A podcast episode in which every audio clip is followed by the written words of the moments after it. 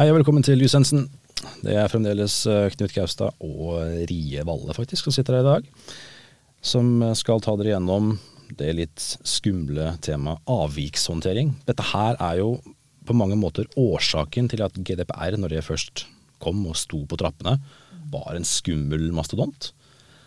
Du husker det du og Rie? Å ja, det, det var eh, forside etter forside om eh, store, skumle bøter. Og hvis du ikke har kontroll på sikkerheten din, så kommer Datatilsynet og med sviende bøter. Ja, det var nok til å skremme livskiten av de fleste. Det er sånn Ja. til å egentlig vurdere om skal vi helt tatt drive butikk eller ikke. Um, dette her er regelverk som er håndtert i personvernforordninga, eh, artikkel 32 til 34. Det er de som håndterer det tematikken her.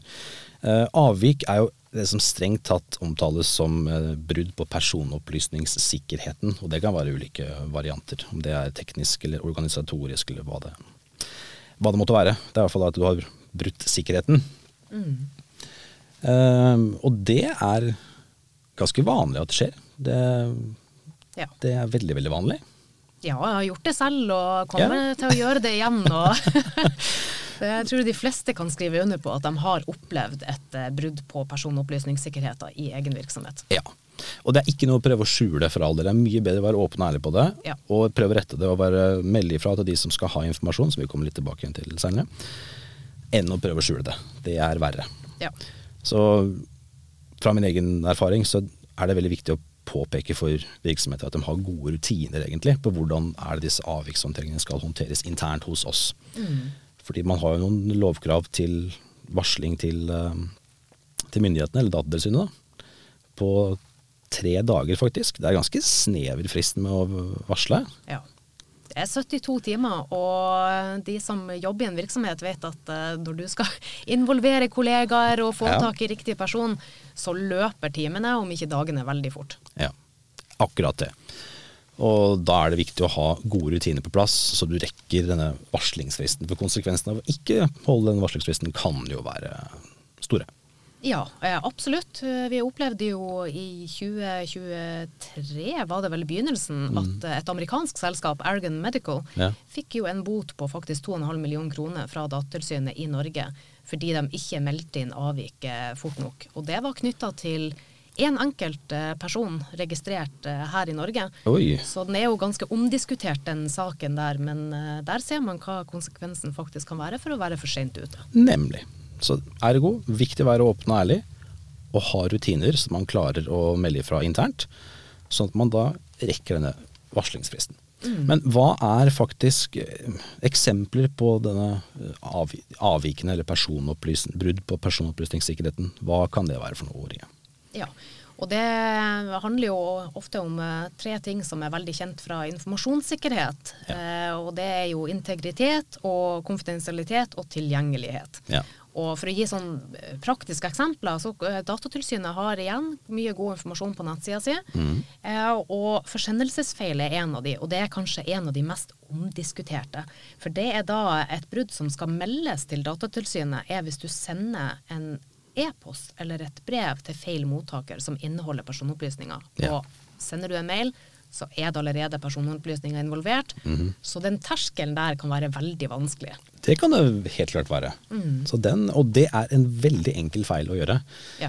Rett og slett. Så det er ergo det her med at øh, du vil antageligvis støte på avvik. Det er uoppnåelig, eller uunngåelig, rett og slett.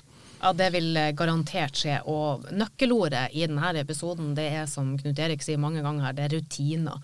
Å ha en god diskusjon med ledelsen og relevante nøkkelpersoner i virksomheten, og definere hva, hva er brudd.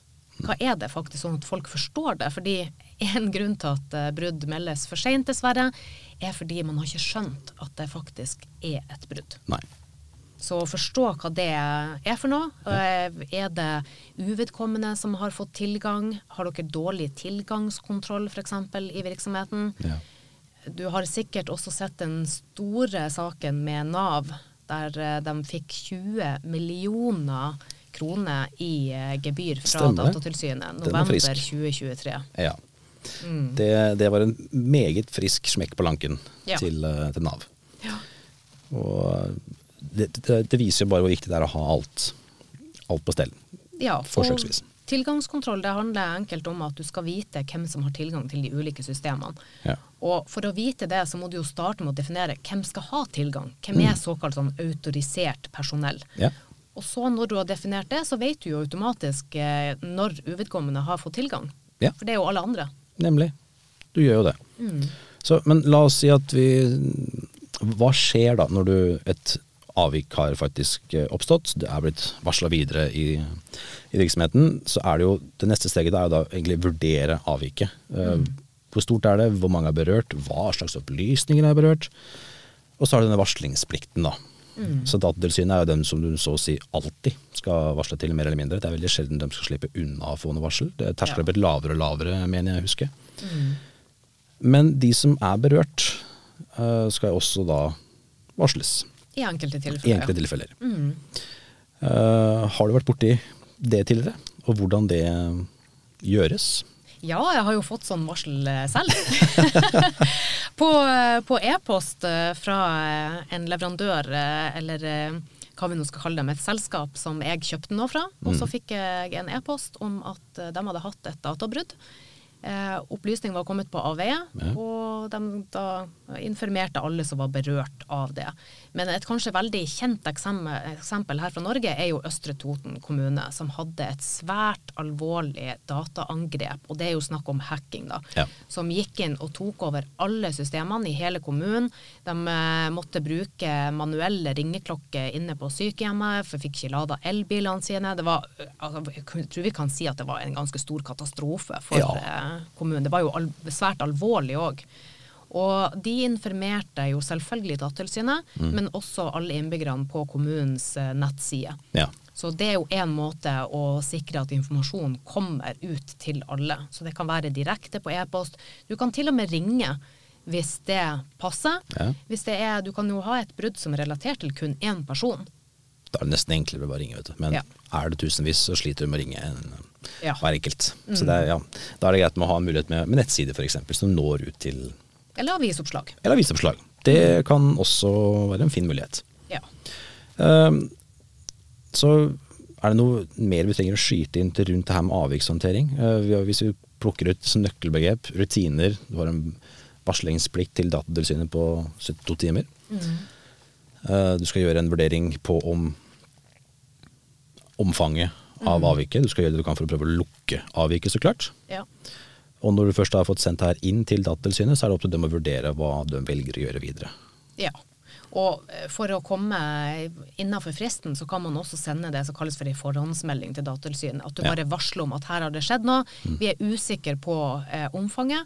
Og så kan man faktisk sende ei eh, ny melding etterpå hvis man ser at det her var faktisk ikke varslingspliktig. Nei. Så man kan trekke tilbake den også fra Datatilsynet. Og det er kanskje ja, altså, det er litt sånn bedre føre var.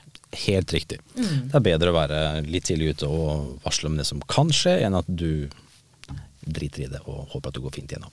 Yes. For dette her avvik kan også varsles inn til Datatilsynet av de berørte, så det kan godt hende at eh, de får greie på det Uansett. uansett. Og der vil du ikke være. Nei, definitivt ikke.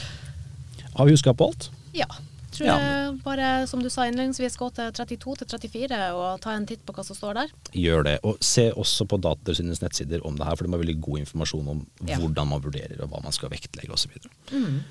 Men ellers, da takker vi for nå, vi. Ja. Takk for i dag. Hei, hei. Hei.